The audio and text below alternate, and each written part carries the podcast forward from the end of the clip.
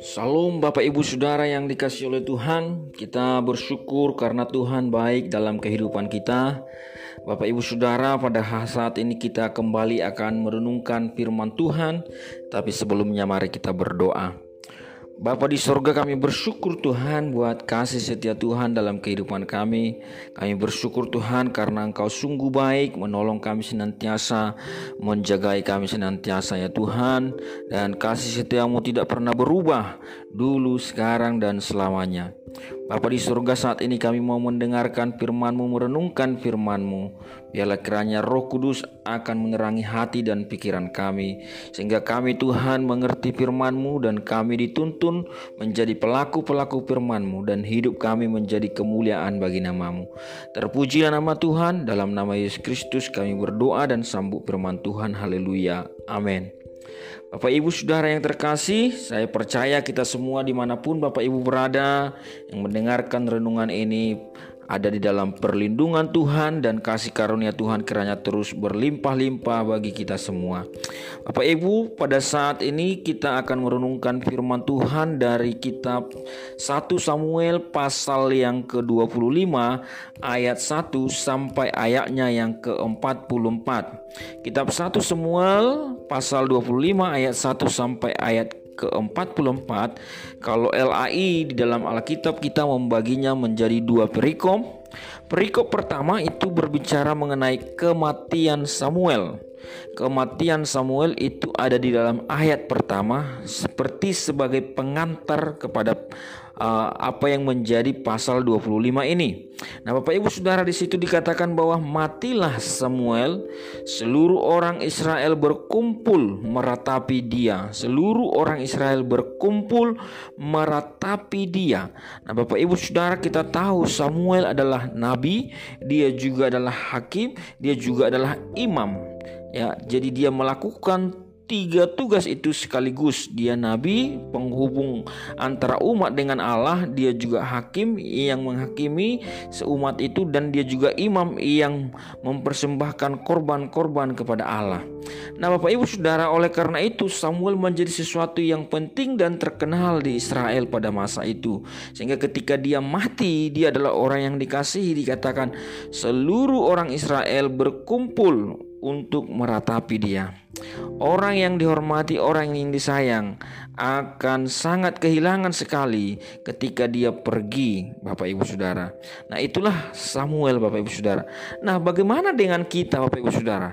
Ketika kita sama seperti Samuel, kematian itu adalah seperti giliran, Bapak Ibu Saudara. Bagaimana dengan kita? Apakah kita juga nanti akan diratapi orang atau justru orang bersyukur. Nah, Bapak Ibu Saudara, mari kita lihat. Tentunya itu adalah dari setiap perbuatan kita, tindakan kita sehari-hari. Nah, yang kedua Bapak Ibu Saudara, di situ berbicara mengenai Daud, Nabal dan Abigail. Daud, Nabal dan Abigail. Nabal dan Abigail ini adalah suami istri Bapak Ibu Saudara. Nah, dikatakan di situ bahwa pertama yang disebutkan adalah Nabal Bapak Ibu Saudara. Nabal disebut dia adalah laki-laki dari Maon. Kemudian dia punya perusahaan di Karmel. Dia punya perusahaan kemudian dikatakan perusahaan mungkin perusahaan kain Bapak Ibu Saudara ya, perusahaan benang mungkin. Nah, yang jelas dia katakan dia sangat kaya. Saya mencoba menghitung kekayaannya Bapak Ibu Saudara. Dia sangat kaya, ada 3000 domba dan ada 1000 kambing. Ya, 3000 ekor domba dan 1000 kambing. Kalau kita kalikan saja saat ini, domba dan kambing itu harganya 4 juta Bapak Ibu Saudara, maka kalau 4 juta maka 3000 kali 4 juta itu sekitar 12 miliar Bapak Ibu. Kemudian kalau kambing itu 4 juta kali 1000 maka 4 miliar. Jadi harta kekayaan daripada Nabal ini ada sekitar 16 miliar kalau diuangkan saat ini. Ditambah lagi perusahaannya Bapak Ibu Saudara. Nah, memang Nabal ini sangat kaya. Tetapi ada yang menarik kemudian dilanjutkan Bapak Ibu Saudara bahwa Nabal ya Nabal itu jahat Bapak Ibu Saudara. Nabal itu kasar dan jahat kelakuannya. Nah, Bapak Ibu Saudara, kita bisa tahu, kita bisa memungkinkan itu karena apa? Karena harta dan juga kekayaan itu bisa membuat seseorang menjadi sombong dan menjadi jahat, Bapak Ibu Saudara. Oleh karena itu, Bapak Ibu Saudara, mari Bapak Ibu Saudara, kalau engkau pun punya sesuatu yang lebih daripada orang lain, jangan apa yang engkau miliki itu menjadikan engkau sombong dan jahat, Bapak Ibu. Nah, Bapak Ibu, di sini Alkitab menjelaskan bahwa Nabal itu kasar dan jahat kelakuannya. Kontras sekali dengan istrinya. Istrinya bernama Abigail. Abigail itu dikatakan bijak dan cantik. Nah, Bapak Ibu Saudara, Kontras sekali Bapak Ibu Saudara. Kemudian dilanjutkan kisahnya Daud mendengar bahwa Nabal itu menggunting bulu domba sehingga karena Daud tahu Daud ada di dalam pelarian dikejar-kejar oleh Saul Bapak Ibu. Kemudian ketika Daud tahu bahwa Nabal ada di dekat dia dan Daud menjaga kambing-kambing dombanya si Nabal ini bersama anak buah Daud, kemudian Daud mencoba meminta belas kasihan daripada Nabal. Daud menyuruh 10 orang kepada Nabal. Untuk apa? Untuk menanyakan kabar Nabal dan meminta belas kasihan supaya Daud dan anak buahnya diberi makan dari apa yang dimiliki atau sedikit dari kekayaan dari si Nabal. Tetapi Bapak Ibu Saudara apa yang didapatkan oleh Daud? Nabal menjawab dengan sangat sombong. Nabal berkata, "Siapakah Daud itu? Siapakah anak Isa itu? Hamba yang lari dari tuannya." Nabal tidak memberi apa-apa pun kepada anak buah Daud. Nah, Bapak Ibu Saudara, sekali lagi saya mengatakan jangan sampai apa yang kita miliki itu membuat kita menjadi sombong dan menganggap rendah orang lain. Kemudian Bapak Ibu Saudara, Daud akhirnya marah Bapak Ibu Saudara. Daud marah karena apa? Karena mendengar apa yang dikatakan oleh Nabal.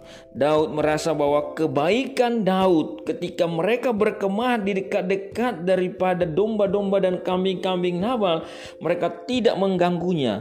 Daud menganggap bahwa kebaikan Daud dibalas jahat oleh Nabal, Bapak Ibu Saudara. Akhirnya Daud marah dan berkata kepada anak buahnya, "Mari kita menyandang pedang dan membantai si Nabal sampai seluruh laki-laki yang ada padanya." Nah, Bapak Ibu Saudara, kemudian Daud bergerak mendekati kepada Nabal, Bapak Ibu Saudara. Tetapi apa yang dilakukan oleh Daud itu terdengar kepada Abigail, istri daripada si Nabal tadi, Bapak Ibu. Sehingga Abigail kemudian mengambil 200 roti Bapak Ibu Saudara, tiga buyung anggur dan lima domba yang diolah, lima sukat berti gandum, 100 kue kismis dan 200 kue ara. Semua itu dibawa oleh Abigail karena Abigail tahu amarah Daud. Kemudian Abigail datang kepada Daud untuk memohon belas kasihan atas perbuatan Nabal dan juga atas perbuatan Nabal dan juga belas kasihan untuk seluruh hamba-hamba daripada si Nabal, Bapak Ibu Saudara. Nah, Bapak Ibu Saudara yang terkasih di sini kita bisa melihat bahwa Abigail benar-benar bijak, Bapak Ibu Saudara. Abigail berkata kepada Daud, "Untuk apa engkau mengotori tanganmu atas nama Nabal itu? Nabal memang demikian, Nabal namanya, bebal orangnya." Jadi ternyata arti nama Babal Nabal Bapak Ibu itu adalah bebal. Ya, jadi Bapak Ibu jangan kasih nama anak Nabal. Jadi Bapak Ibu Saudara Nabal artinya bebal. Berarti nama Bapak Ibu Saudara mencerminkan kepribadian. Jangan sembarangan memberi nama karena bisa saja nama itu juga adalah sekaligus doa kita. Kemudian Bapak Ibu Saudara akhirnya Bapak Ibu Saudara Daud menerima pengampunan Bapak Ibu Saudara, menerima pengampunan daripada uh, Abigail Bapak Ibu Saudara daripada permohonan Abigail.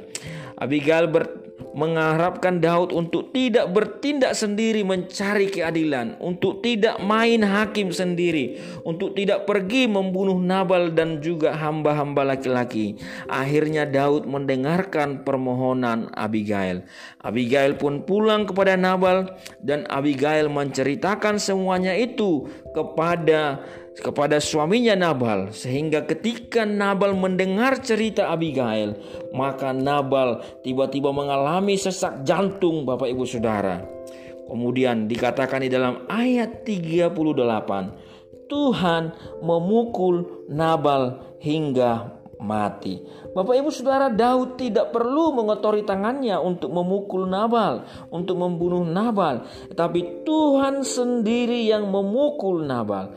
Bapak Ibu Saudara yang terkasih, tidak perlu kita main hakim sendiri. Kalau kita percaya kepada Tuhan dan Tuhan itu adalah Allah yang adil, maka izinkanlah Allah yang akan membalaskan kejahatan itu. Izinkanlah Allah yang akan bertindak melakukan keadilannya, Bapak Ibu Saudara. Allah yang memberi keadilan kepada Daud, Allah yang membalaskan apa yang dilakukan oleh Nabal kepada Daud. Bapak Ibu Saudara, kejahatan itu berbuat jahat sama seperti melempar batu ke atas kepala sendiri. Maka yang terkena adalah kepala sendiri Bapak Ibu Saudara. Oleh karena itu Bapak Ibu Saudara saya mau berpesan dan firman Tuhan berpesan kepada kita. Jangan pernah berbuat jahat Bapak Ibu Saudara. Jangan pernah berbuat jahat, baik melalui perkataan, baik juga melalui pikiran, baik juga melalui perbuatan, Bapak Ibu Saudara. Karena berbuat jahat itu seperti melempar batu ke atas kepala. Allah yang adil, sekalipun orang itu tidak mampu atau tidak mau membalas, tetapi Allah yang adil pasti membalaskannya. Oleh karena itu, Bapak Ibu Saudara, kita melihat akhirnya Nabal dipukul mati oleh Tuhan. Kemudian akhirnya Daud menyuruh kepada anak buahnya untuk mengambil Abigail menjadi istrinya. Sesuai dengan janji yang diucapkan oleh Daud kepada Abigail. Ketika Abigail memohon, jika Tuhan menyertai engkau, ingatlah aku dan jangan lupakan. Bapak ibu saudara kemudian akhirnya ketika Daud tahu bahwa Nabal telah meninggal dihukum oleh Tuhan. Maka Daud mengingat Abigail dan menjadikan Abigail istrinya. Bapak Ibu Saudara yang terkasih, ada beberapa hal yang penting sekali tadi kita renungkan di sana. Pertama, Bapak Ibu Saudara, kita bisa melihat bahwa harta kekayaan bisa membuat orang sombong dan jahat Bapak Ibu Saudara. Tetapi ingatlah Bapak Ibu Saudara, jangan pernah apa yang engkau miliki menjadikan engkau berubah menjadi sombong dan jahat Bapak Ibu Saudara.